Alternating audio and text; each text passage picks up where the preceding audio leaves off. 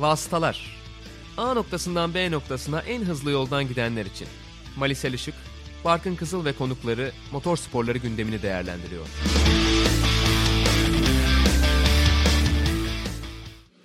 Fail 84, fail, fail 84, fail. Oh my god, guys, we did it again! Oh my god, yes! P1 Pierre, P1. Oh my god! We just won the race! Oh my god! 84. You fail 84, you did 82. Fail 84 now, please.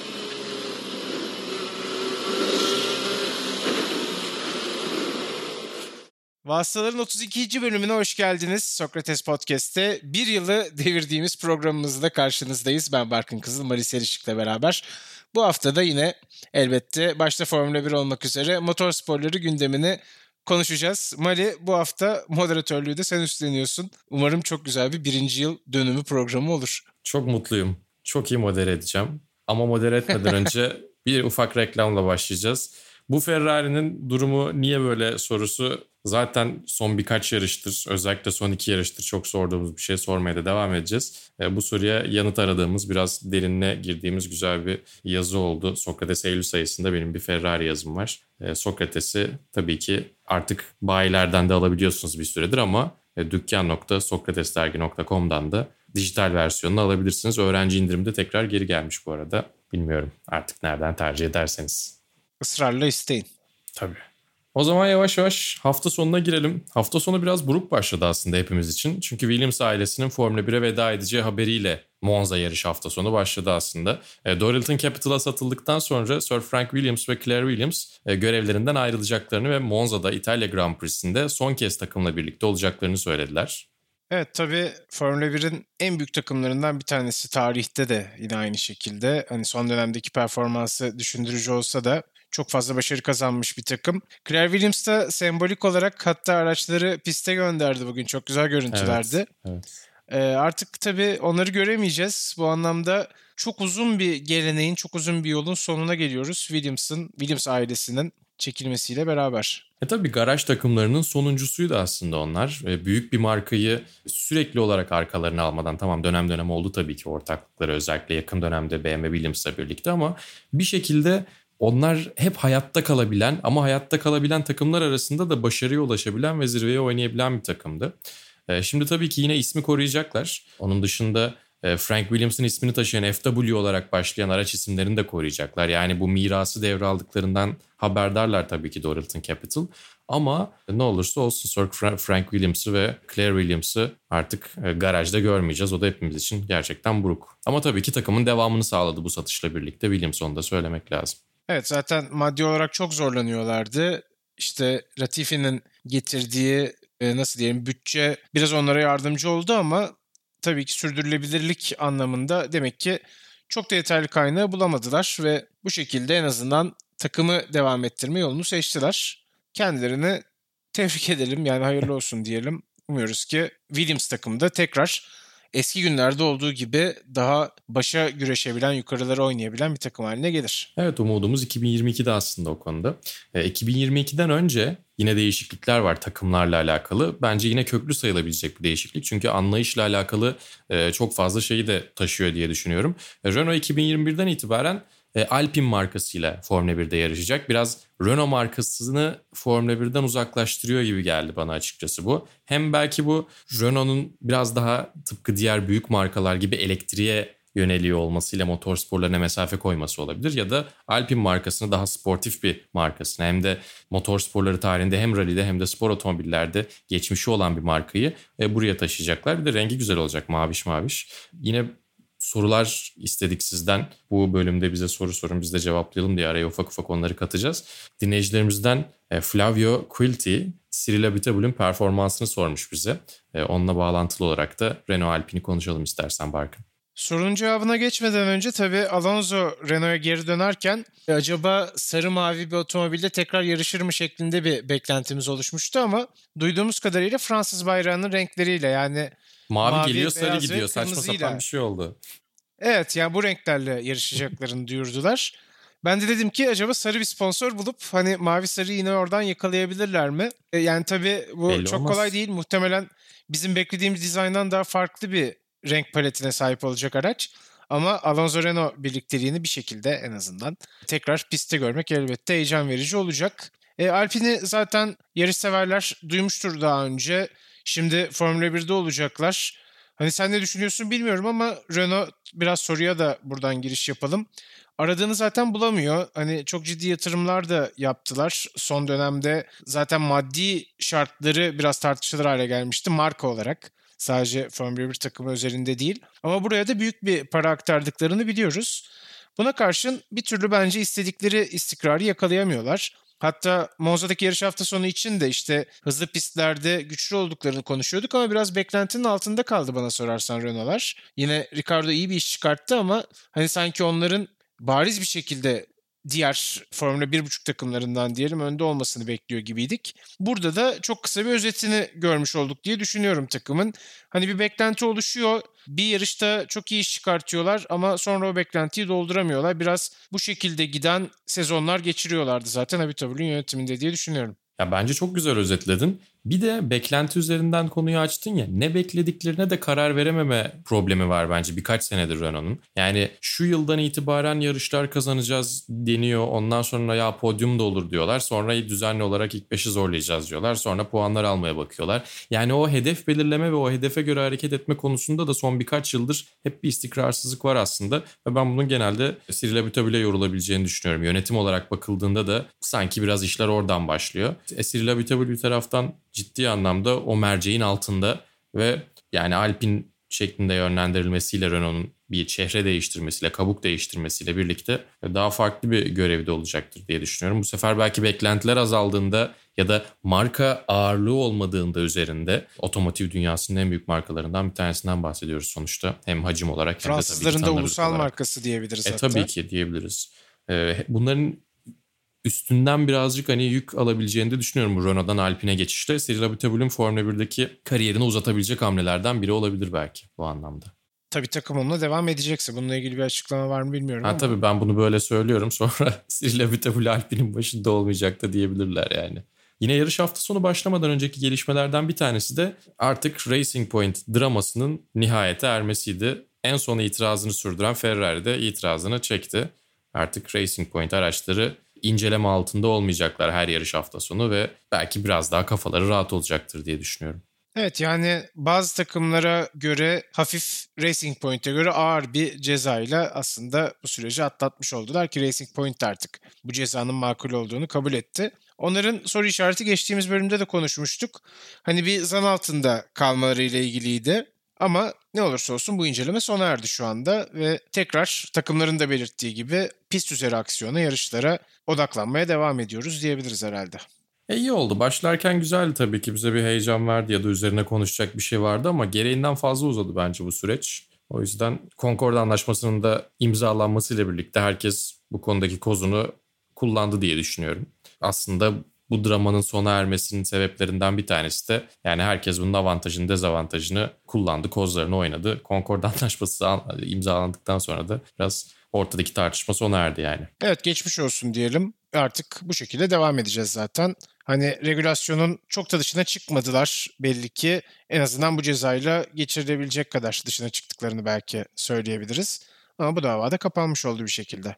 Ve böylece cumartesi gününe sıralama turu gününe başladık. Yani zaten e, sıralama turlarına özel motor modları Monza ile birlikte tarihe karışıyorken bu yasak ne olacak, nasıl etkilenecek diye bekliyorduk. Lewis Hamilton tarihin en hızlı turunu Kimi Raikkonen'in elinden aldı. Çok ciddi e, bir fark da vardı aslında diğer takımlarla, diğer motorlarla aslında, diğer güç üniteleriyle birlikte.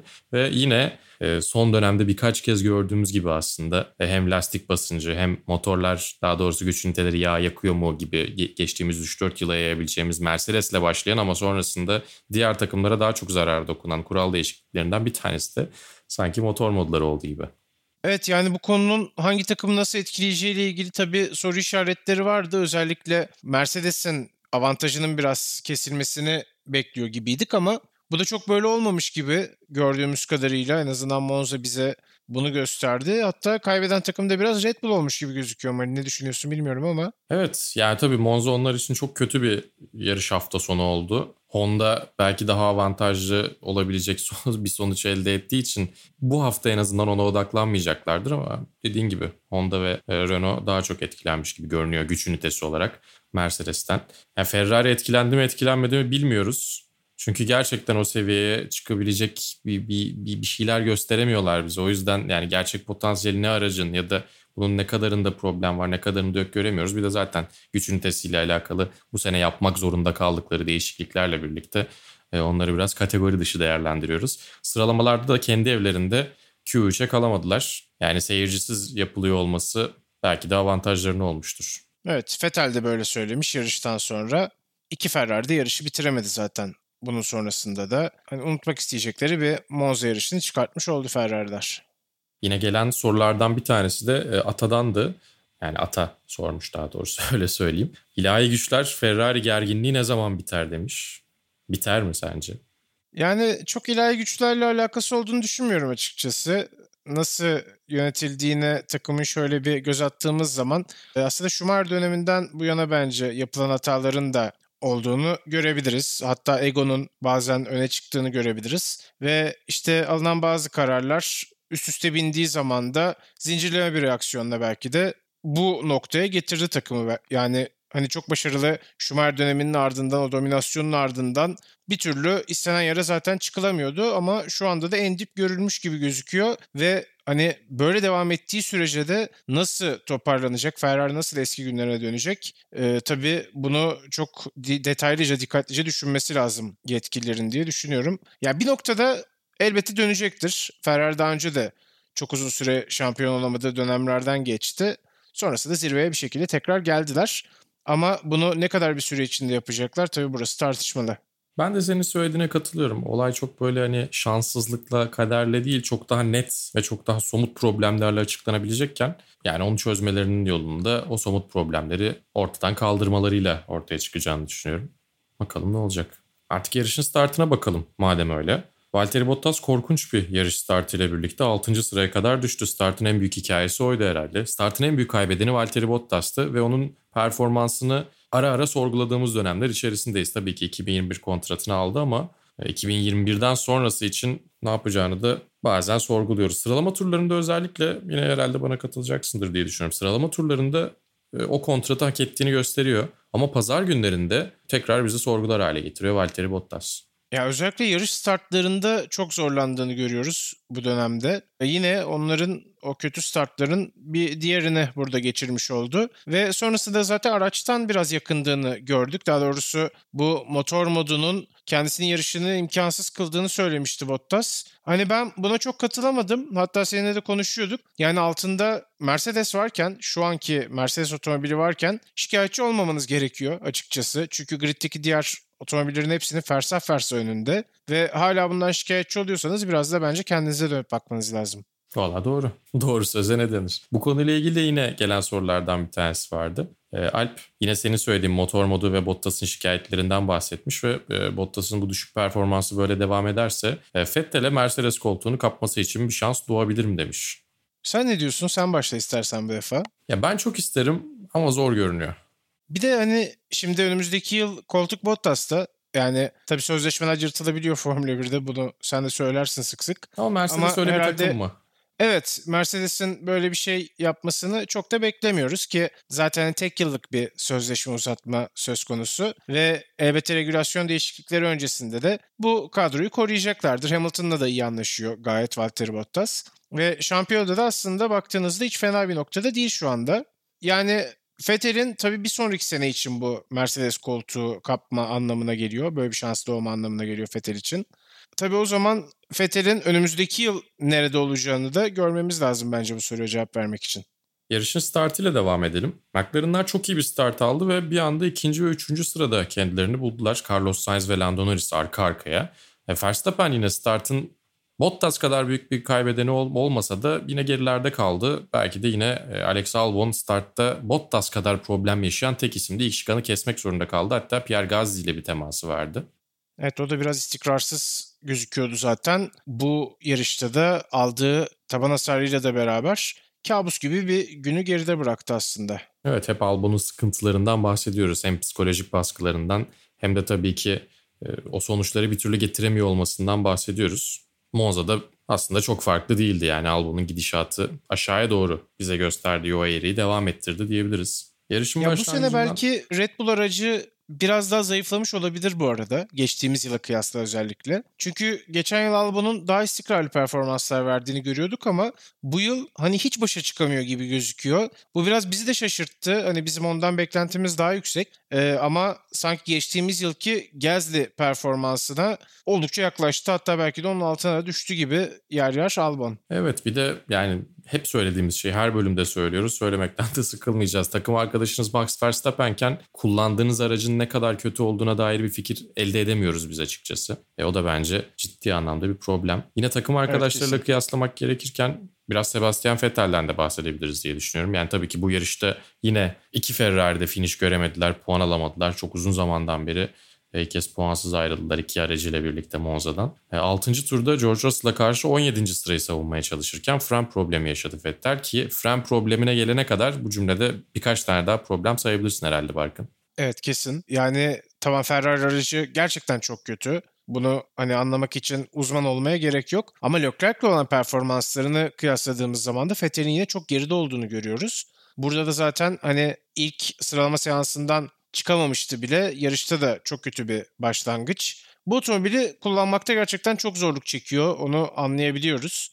Ve sonrasında da zaten mekanik bir problemle kendi hatası olmayan bir sıkıntıyla yarışın dışında kaldı. Yani son senesinde bence daha iyi veda etmek isterdi muhtemelen ama bu pek mümkün olmayacak. Yani umalım önümüzdeki yıl kendine bir koltuk bulup en azından 2020'yi bize unutturabilir Sebastian Vettel. Yani kariyeri böyle biterse ben gerçekten çok üzülürüm. Yani Formula 1'deki son sezonu bu olursa hepimiz üzülürüz diye düşünüyorum. Evet kesinlikle.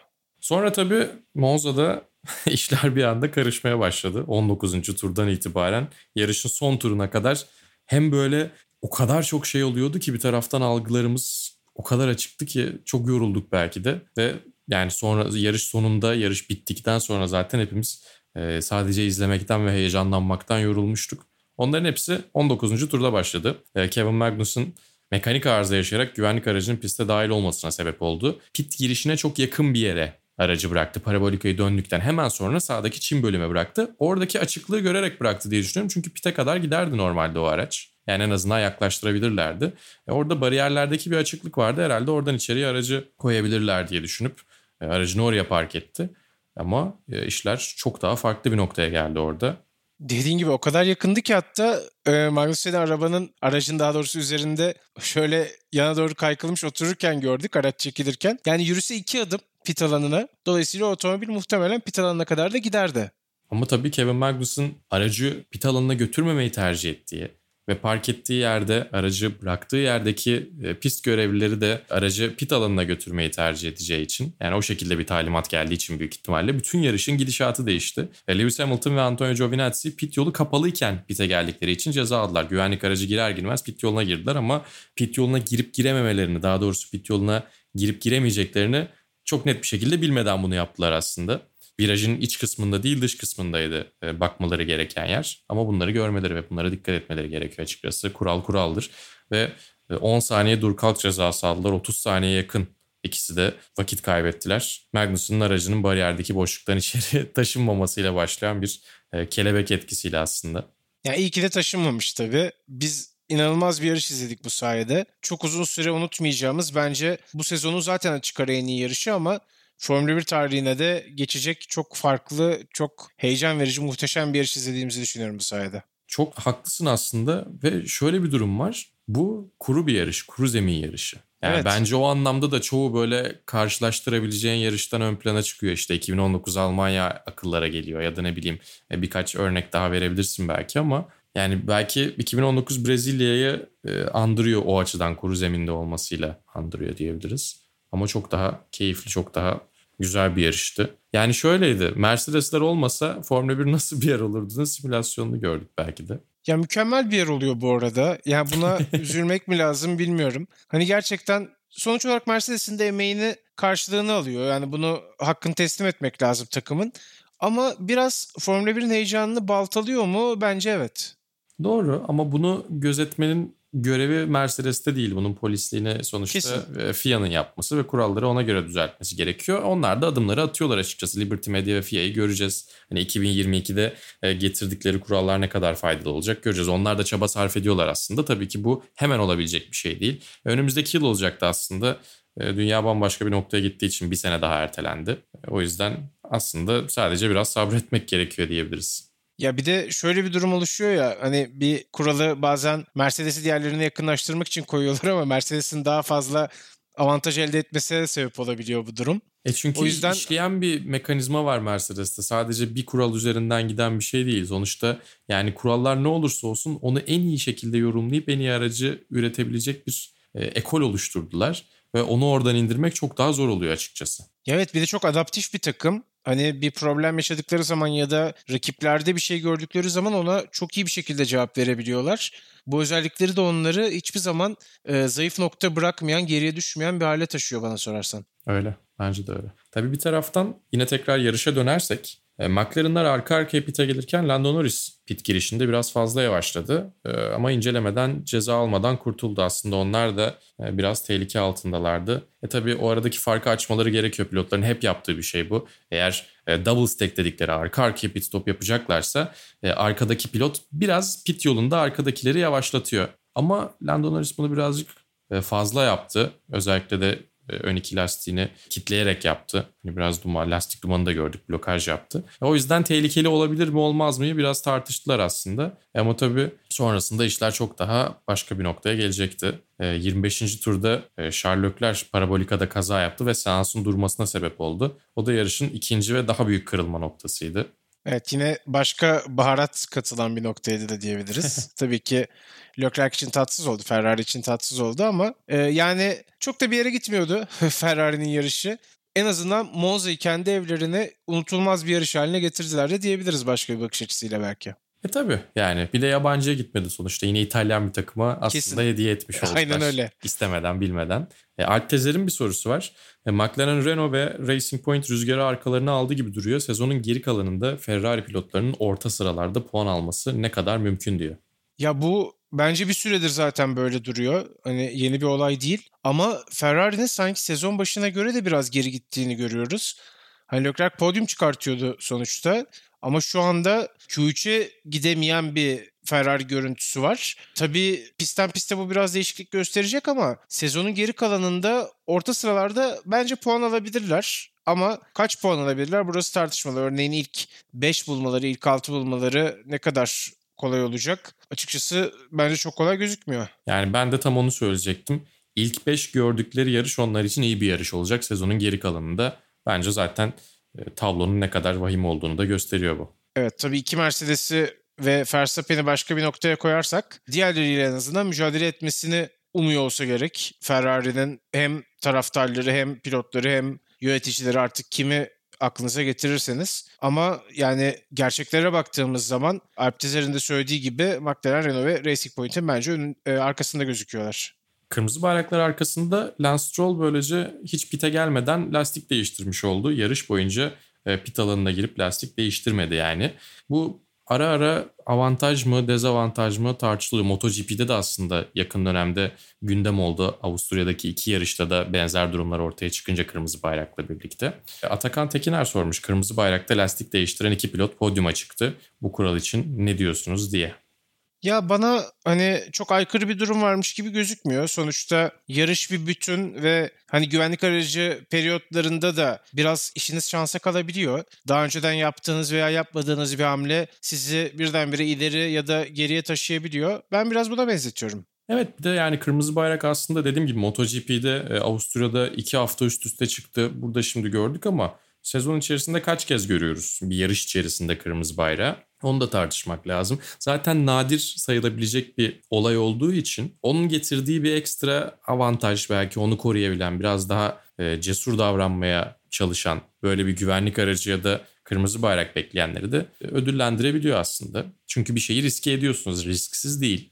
Kırmızı bayrak altında lastik değiştiriyorsanız pite gelmemiş olabiliyorsunuz. Lance Stroll'un aldığı risk oydu aslında. O yüzden değişiklik oldu. Bir de böyle bir sonuç verdi bize tabii ki. Yani evet fena olmadı. Hani sonuca bakmak gerekirse. Ya ben bu yarışta o kadar çok keyif aldım ki ha, bu yarışla ilgili negatif bir şey söylemem çok mümkün değil. Onu da parantez içinde belirtmiş olayım. Bence hani öyle değişmesi gereken bir kural değil. Hani bunu değiştireceksek bazı başka şeyleri de değiştirmemiz lazım. Dolayısıyla hani saçma bir kural olduğunu kesinlikle düşünmüyorum en azından eğer soru buysa. Evet bir de yani yarışın böyle bir sonuca varmasında emeği geçen ne kadar ufak detay varsa e, hepsini seviyoruz açıkçası. Yani iyi oldu o yüzden bunların hepsi dediğim gibi böyle bir yarış izlememize sebep oldu. Bu kural zaten e, bu yarış özelinde faydalı da oldu öyle söylemek lazım. E, tabii kırmızı bayrak sürecinde Lewis Hamilton aldığı cezanın ardından aracından indi. Scooter'ına atladı. Dramatik bir şekilde e, hakem odasına basmaya gitti. Hakem odasını basmaya gitmedi tabii ki ama öyle göründü öyle söylemek lazım.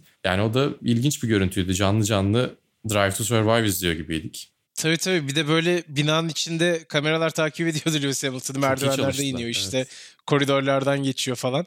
hani çok garip bir görüntüydü bence. Ya, görüntüleri Formula izlemek için gitmiş oraya ama görüntüleri izleme yükümlülüğü Lewis Hamilton'da değil. Ben çok e, sevmedim açıkçası o davranışı. Çünkü ceza verilmiş zaten. Hakemler o gö- görevi izleyip, e, görüntüleri izleyip daha doğrusu izledikleri görüntüyü bir cezaya ya da ceza vermemeye çevirme konusunda görevlendirilmiş adamlar.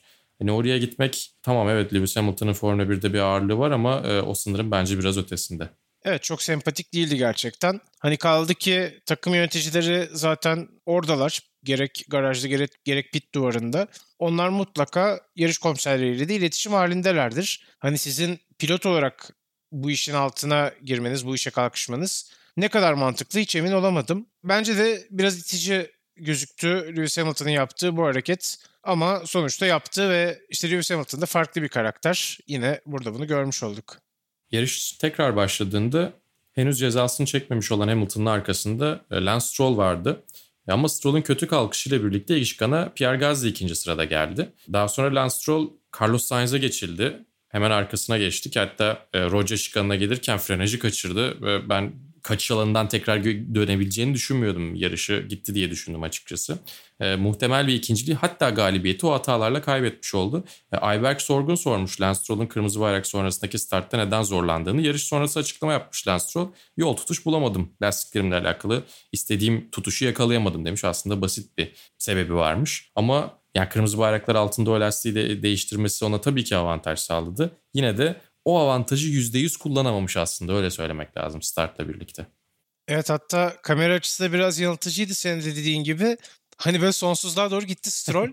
Sonrasında bir baktık piste geri dönmüş. Tabii bu da belki o anda çok emin değildik ama kırılma anlarından bir tanesi oldu. Sonuçta podyumda yer buldu yarışın sonunda. Evet. Bir de şöyle güzel bir detaydan bahsetmek lazım. Ee, kırmızı bayraktan sonra yarış güvenlik aracı arkasında ardından rolling startla, hareketli startla başlamıyor artık.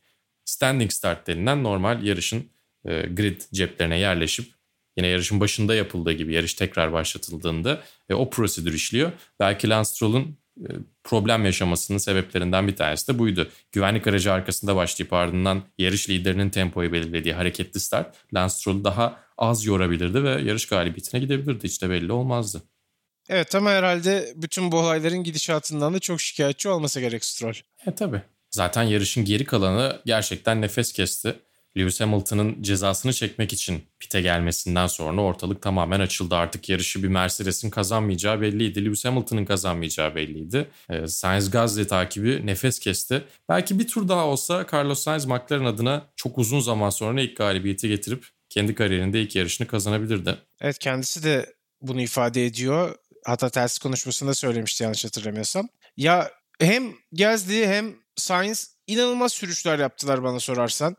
Yani Hamilton önlerinden çekildiği andan sonra ki Sainz Raikkonen'i geçerek başlamıştı. E, o geçiş de çok güzel bir geçiş. Raikkonen de bu arada çok centilmence çok güzel yarıştı. Hem kapatmaya çalıştı mümkün olduğunca Sainz'i hem e, işte sınırları hiç aşmadı. E, Alonso'nun da dediği gibi o boşluğu verdi öyle söyleyelim. E, sonrasında Sainz'ın takibi başladı ve iki sürücü de neredeyse hatasız yarıştılar bence. Sainz çok yaklaştı son turda ama yeterli olmadı kendisi için. DRS mesafesine de girmişti ama işte belki de bir tur belki iki tur olsa Gezli'yi de geçebilirdi. İlk yarış galibiyetini alabilirdi ama ilk yarış galibiyeti Gezli'ye gitti. İki birinci zaferini arayan ismin mücadelesini görmüş olduk. Ben ayakta izledim açıkçası. Ya ben oturuyordum. Ben kolay kolay ayağa kalkmıyorum gerçekten ama e, ben de böyle e, elimi suratıma atıyordum falan çeşitli hareketler yapıyordum. Normalde en fazla kaşım kalkar benim. Çok acayip bir şey olduğunda. Burada bayağı heyecanlıydım. Yine Twitter'dan gelen sorulardan bir tanesiyle aslında bu konuyu bağlayalım. E, Don Quixote'umsu sormuş. Sainz seneye Ferrari ile galibiyete bugünkü kadar yaklaşabilir mi diye. Gerçekten bu ikinciliği daha dramatik hale getirebilir bu bakış açısı. Ben çok beğendim bunu. Ya evet hani ilk yarışı kazanmak oldukça önemli. Her zaman bunu konuşuyoruz sürücüler için. Yani önümüzdeki yılki otomobillerin performanslarının bu yıla çok yakın olacağını düşünürsek ben pek sanmıyorum. Bir de şöyle söylemek lazım. John Elkan Scuderia Ferrari 2021'de de yarış kazanmaz diye kendisi açıklama yaptı. En tepeden gelen de böyle bir açıklama varken gerçekten 2022'ye kadar Carlos Sainz bir galibiyete bu kadar yaklaşmayacak gibi duruyor. O yüzden kaçan galibiyet belki burada e, biraz daha acıtıyor. E, benim yine o meşhur dramatik Le Mans 24 saat Toyota'nın son turda verdiği Le Mans 24 saat sırasında kullandığım bir söz vardı. En büyük trajedi kaybetmek değil neredeyse kazanacak olmak. Carlos Sainz'ın da belki 7-8 saniye geride bitirse bu kadar tadının kaçacağını düşünmüyordum. Ama burada tabii kaçan galibiyet onu çok etkiledi. Evet çok istediği kesin ama Gezi de çok istemiş tabii ki. Hani iki cepheden de bakmak lazım. E, yani birisi kazanacaktı o da Gezli oldu. Sainz'ın biraz daha beklemesi gerekecek gibi ama soruya dönecek olursak. Yine yarışın son bölümünün hikayelerinden bir tanesi Hamilton'ın son sıradan ve yani son sıranın hemen arkasında da dönmedi. Son sıranın da epey gerisinde döndü. 7. sıraya kadar tırmanışı çok acayipti. Ya orada şey çok komik. Hani Giovinazzi de bu cezayı alıyor.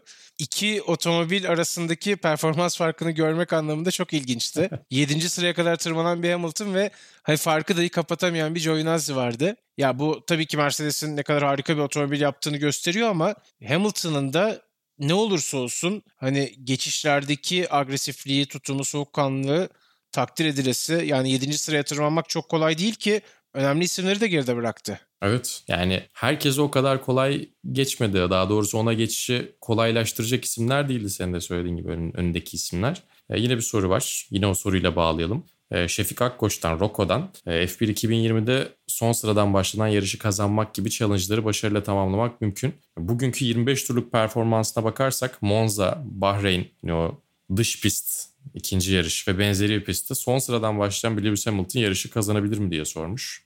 Bence bu çok güzel bir soru. Cevabı da kazanabilir diye düşünüyorum. Bence de. Çünkü yani şöyle düşün.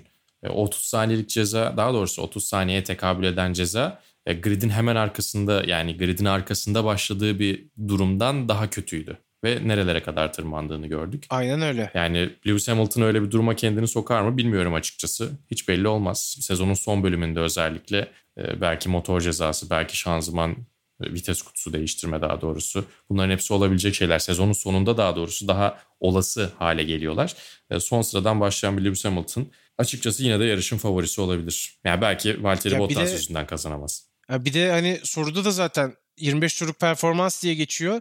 Sonuçta gridin en arkasından başladığında önünde tam bir yarış olacak Hamilton'ın. Öyle de hmm, bakabiliriz. Evet. Yani o sıraları kazanmak için daha çok zaman, daha çok kilometresi olacak anlamına geliyor bu. Bence gayet mümkün. Evet. Hamilton'ın en büyük dezavantajlarından bir tanesi yarışın başında değil yarışın ortasından sonra böyle bir duruma girmesiydi. Doğru söylüyorsun. Evet kesinlikle. Bahadır bir soru sormuş.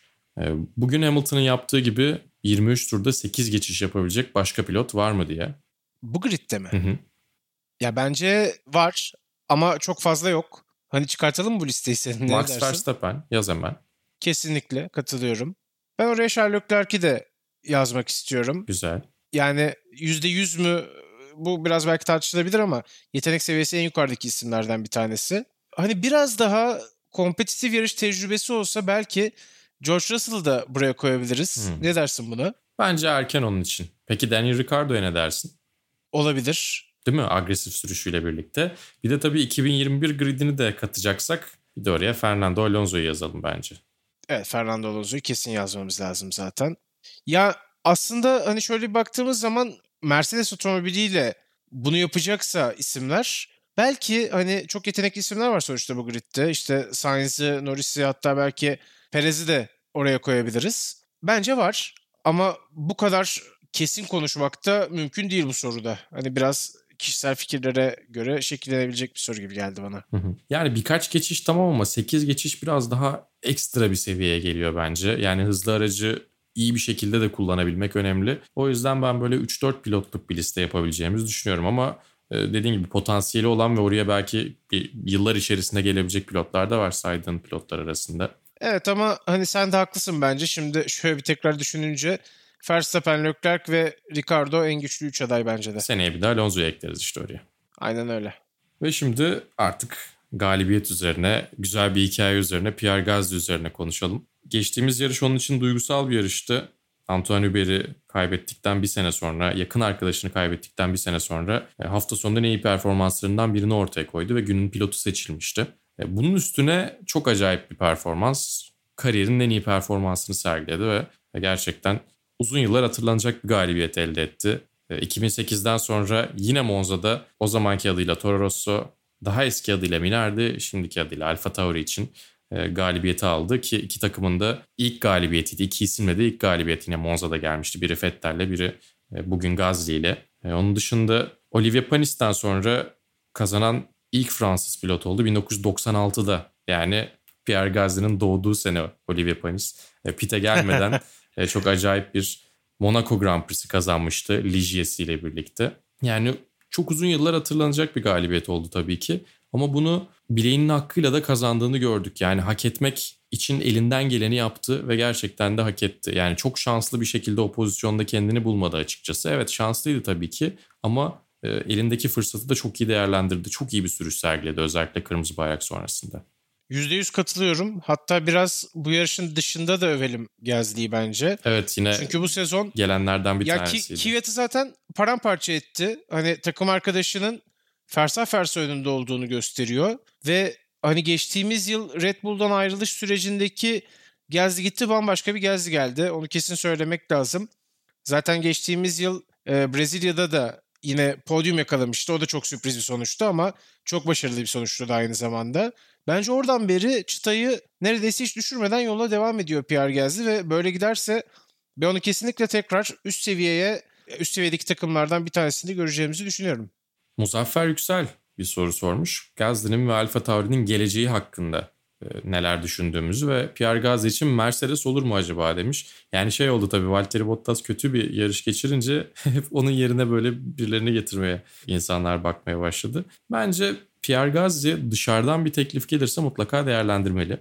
Ama onun dışında Pierre Gasly'nin de Alfa Tauri'nin de geleceği bence gayet sağlıklı olabilir. Şöyle bir durum var çünkü 2022'den itibaren bütçe kısıntılarıyla birlikte Red Bull'un kesmek zorunda kalacağı bütçe çok büyük ihtimalle Alfa Tauri'ye aktarılacak. Dolayısıyla Alfa Tauri şu anda bulunduğu yerden çok daha iyi bir konuma gelebilir diye düşünüyorum. O yüzden Pierre Gasly bence e, Alfa Tauri ile kalır. Ama tabii ki e, bunun kararı e, Red Bull'da olacak. Yani Racing Point'in yaptığı sıçramaya benzer bir sıçrama yapabilir gibi gözüküyor. Hı hı. Ya tabii bu arada hani üst tarafta da çok koltuk yok. O seviyeye başka takımların yaklaşması hem seyir zevki için daha iyi hem işte mücadeleci olmak isteyen sürücüler için daha iyi. Bu umarım gerçekleşir. Çünkü hani zaten Gezdi için en büyük seçenek yine Red Bull bana sorarsan. Al bunun da işte performansını göz önünde bulundurursak ki bununla ilgili de galiba sorularımız var. Hı hı. Yani umuyorum ki Alfa Tauri de o seviyelere çıkar. Ne kadar fazla mücadeleci takım o kadar fazla keyif demek bizim için. Aynen öyle.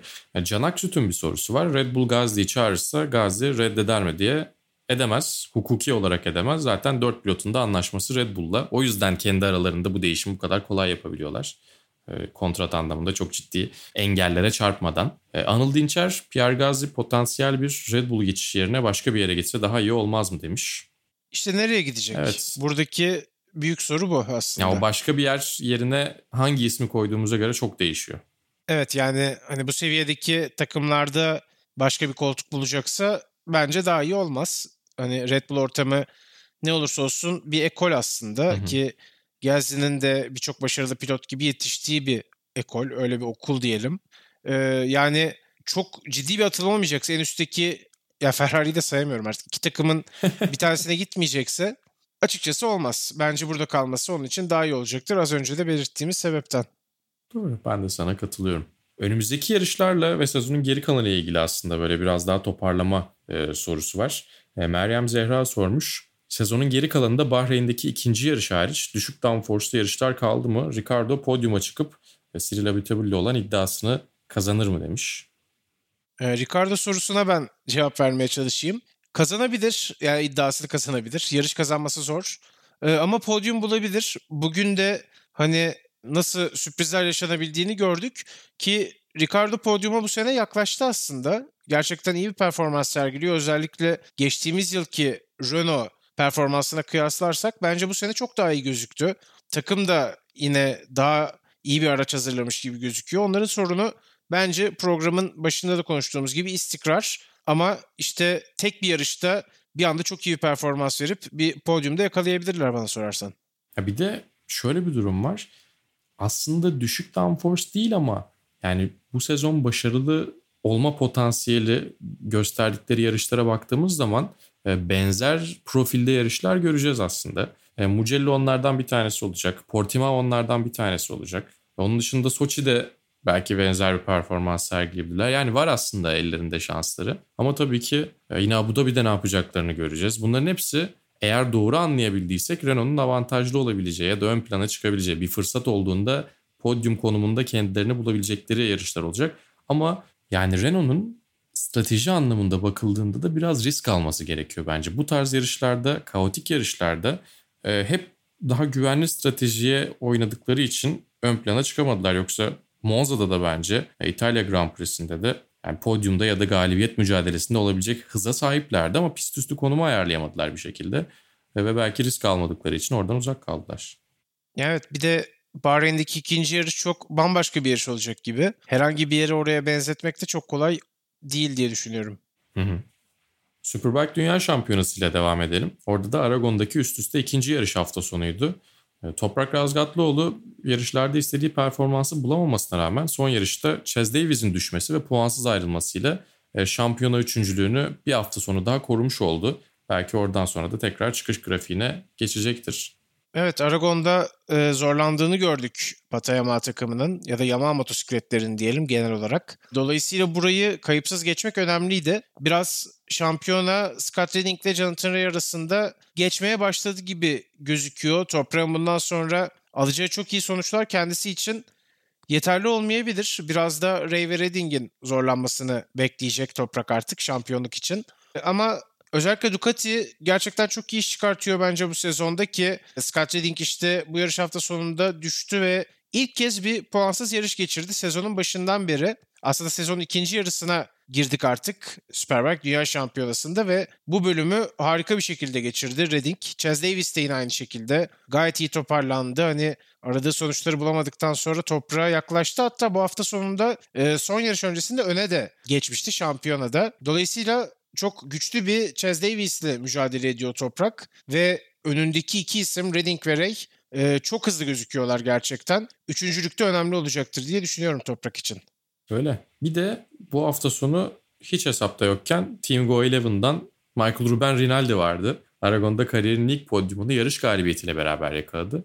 Ve geçtiğimiz yıl toprağın kazandığı bağımsız sürücüler şampiyonasında e, büyük avantaj yakaladı. Yarış kazandı. Super Bowl yarışında üçüncüydü İkinci ana yarışta da ikinci bitirdi değil mi? Evet müthiş bir performans. Yani hani hiç podyum bulmamış bir isim için bir anda bir hafta sonunda 3 podyum birden bir de yarış galibiyeti bunlardan bir tanesi. Hani hayatının sonuna kadar unutmayacağına eminim Rinaldi'nin bunu. Ve tabii ki de onlar Loris Baz'la özellikle mücadele içindeler. Zaten sezonun bu bölümünde Rinaldi'nin performansı çok yükselmişti baza oranla. Şu anda da şampiyonada, bağımsız sürücüler şampiyonasında dediğin gibi çok ciddi bir avantajda artık herhalde bu seneyi de böyle geçirecek gibi gözüküyor şampiyonlukla kapatacak. Superbike Dünya Şampiyonası'nda da iki buçuk yıl sonra kazanan e, ilk İtalyan sürücü oldu. 2018 e, sezonunun başında Marco Melandri e, yine Ducati ile kazanmıştı. Bu arada biraz uzak kaldı ki İtalyanların aslında eskisi kadar başarılı olamadığı en azından sürücüler olarak baktığımızda eskisi kadar galibiyet elde edemediği ve belki de çok fazla yetiştiremediği bir noktadayız. Ee, yine de çok takdir edilesi bir performanstı yani Michael Ruben Rinaldi. E, herkesin hesaplarını bozdu aslında. E, dolayısıyla da belki bu hafta sonunun sürücüsü olarak e, onu bile gösterebiliriz. E, Supersport Dünya Şampiyonası'nda e, Can Öncü iki yarışta da düştü. E, yine öğrenmeye devam ediyor tabii ki ama e, geçtiğimiz hafta sonunda e, Aragon'da çok istediğini alamamıştı doğrusu. E, bu hafta sonunda hemen unutmak isteyecektir e, Can Öncü. Supersport 300'de Bahattin Sofuoğlu ilk yarışta pole pozisyonunu elde etti. Yarışı da neredeyse foto finişle ikinci sırada tamamladı ki e, özellikle Supersport 300 için Aragon gerçekten çok zor bir pist. Çünkü kendinizi çok iyi konumlandırmanız ve yarışı gerçekten iyi kurgulamanız gerekiyor. En önde olursanız da dezavantajlısınız son tura son düzlüğe çıkarken. İkinci, üçüncü olursanız da ne kadar arkada olduğunuz çok önemli. Yani gerçekten yarış zekanızı test eden ve yarış zekanızı geliştiren e, pistlerden bir tanesi belki de özellikle alt sınıflar için konuşuyorum Aragon. Moto 3'te de benzer bir durum var. Bu yarışı neredeyse kazanabilecek noktadaydı. Yani gerçekten bir lastik e, farkıyla e, ikinci sırada bitirdi. İkinci yarışta da üçüncü sırayı aldı ve bu hafta sonundan iki podyumla ayrıldı. Onu da tebrik etmek lazım. Gerçekten geleceği parlak motorsporları neslimize bir isim daha net bir şekilde eklemiş olduk. Yakından evet, takip ediyoruz. Martin Sofuoğlu'nu kesinlikle tebrik ederim. Gerçekten çok iyiydi. Ve hani Supersport 300'de böyle gaz ve toz bulutu şeklinde yarışıldığı için orada kendinizi hem sakınmak zor hem e, doğru zamanda doğru yerde olabilmek zor senin de dediğin gibi. Bazen gerçekten en önde olmak dezavantaj olarak size dönebiliyor. İşte o pisti bir anda doğru kararları verecek kadar iyi analiz edebilmek, son bölümde ona göre bir konum almak bu tarz şeyleri de bence çok öğreten bir seri Supersport 300. Kalabalık olmasının da tabii bunda etkisi var ve seviyelerin yakın olmasının önemli bir etkisi var. Bence buradan çok güzel tecrübeler kazanarak Bahattin de yavaş yavaş belki Supersport'ta sonrasında Superbike'a da ilerleyecektir diye düşünüyorum. Noktayı Porsche Super Cup'la koyacağız. E, Monza'da sezonun 8. ve son yarışı geçildi. E, Ayhan Can son turda lastik patlatarak yarışı tamamlayamadı ama şampiyonada 3. sırayı almayı başardı Jackson Evans'ın diğer Porsche Junior'ın önünde. Ayhan Can bu sezon 8 yarışın 4'ünde podyum yakaladı. Bunların ikisi yarış galibiyeti, ikisi ikinci sıraydı ama işte yani çıkışlar çok yüksekti ama düşüşler de çok düşüktü. O açıdan belki e, problem yaşadığı bir sezon oldu. E, sürücüler şampiyonunda yarışı kazanan Larry Tenford oldu. Monza'ya şampiyon lideri olarak gelen Dylan Pereira şampiyonayı ikinci sırada tamamladı. Podyumun da dışında kaldı son yarışta Dylan Pereira. Evet bir Süper Cup sezonunda sonuna geldik böylece. Ee, gerçekten iki senedir Ayhancan harika işler çıkartıyor. Hani şöyle bakılabilir. Geçtiğimiz yıl ikinci olmuştu. Bu yıl üçüncü oldu ama ben bunun tam anlamıyla bir geri adım olduğunu düşünmüyorum açıkçası. Çünkü iki yarış kazandı örneğin. Burada üstüne koymayı başardı performansının. Bunun yanı sıra elbette iki Porsche Junior'ımız vardı bu sene. Biri Jackson Evans, biri Ayhan Can'dı bunların ki Jackson Evans e, şampiyon olan takımda BWT Renner Racing takımında yarışıyor. Onlar markalar şampiyonu oldular. Daha doğrusu takımlar şampiyon oldular. Ve Jackson Evans'ın önünde bitirdi Ayhan Can. Bu önemli bir done olacaktır bana sorarsan. Ve işte hani Ayhan Can'ın kendisi de söylüyordu zaten. İstikrar çok önemli Porsche Super Cup'ta. O az önce bahsettiğin düşüşler biraz fazla aşağıda olduğu zaman bu sizi şampiyonluktan uzaklaştırabiliyor. Yoksa Ayhancan özellikle iyi olduğu yarışlarda gerçekten şampiyonluk temposuna sahip olduğu, bu kaliteye sahip olduğu da oldukça açık. Ben önümüzdeki sene yine şampiyonluk yarışının çok içinde olmasını bekliyorum ve şampiyon olmasını da tabii ki umuyorum. Tebrik ederim Ayhan Can'ı da bu güzel sezon için. Aynen öyle. Ve tabii sezon aslında Ayhan Can Güven için bitmiş değil. Çünkü Fransa Kupası'nda son şampiyon olarak, son iki yılın şampiyonu olarak tekrar boy gösterecek. Burayı bitirir bitirmez e, artık gözleri Fransa'ya çeviriyor. E, bu hafta içerisinde hafta ortasında Manikur'da test olacak. Ardından önümüzdeki hafta sonunda sezonun ilk yarış hafta sonu başlayacak. E, o arada ikinci bir şasi daha getirip hani araçla alakalı ne, neyi çözebiliriz diye üzerine bakacaklarmış. Bana biraz ondan bahsetti.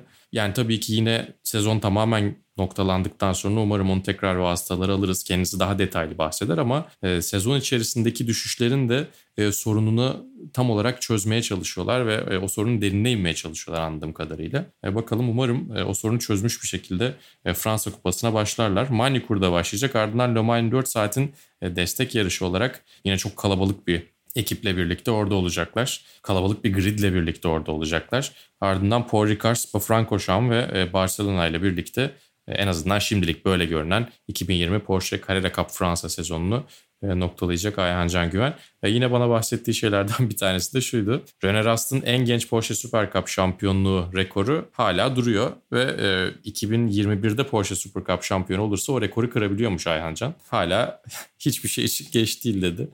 Herhalde katılıyoruz ona hiçbir şey için geç değil. Kesinlikle geç değil. Hatta e, işte bu altyapı sürekli olarak üst üste eklenen bir tecrübe sonuçta. Ve hani onun zaten yeteneğiyle ve çalışkanlığıyla da bu tecrübe birleşiyor ne olursa olsun. Ve gittikçe daha iyi bir yarış sürücüsü haline geliyor. Zaten bunu hani görmek de mümkün izlediğiniz zaman yarışları. Dolayısıyla problemsiz, kazasız, belasız ve sonu şampiyonlukla biten bir sene belki de Ayancan'ı bekliyordur. Umuyoruz öyledir. Umuyoruz öyle olacak. Vasıtaların 32. bölümünü yavaş yavaş geride bırakıyoruz artık. Yavaş yavaş tamamlıyoruz. Önümüzdeki hafta tekrar sizlerle birlikte olacağız. Toskana Grand Prix olacak Mugello'da. Onun sonrasında umarız yine Monza kadar tabii ki ne kadar e, mümkün olabileceğini oturup tartışabiliriz ama en azından e, Monza'nın yarısı kadar keyifli bile olsa e, bizi çok keyiflendirebilecek bir yarış olacağını düşünüyorum. Toskana'nın Mugello'nun yeni bir pistin. E, oradan sonra yine tekrar e, Sokrates Podcast'te sizlerle birlikte olacağız. Evet çok güzel bence dolu dolu bir bölüm geçirmiş olduk. Umuyoruz önümüzdeki haftada bizim için konuşacak bu kadar konu başlığı olur. Hoşçakalın. Hoşçakalın.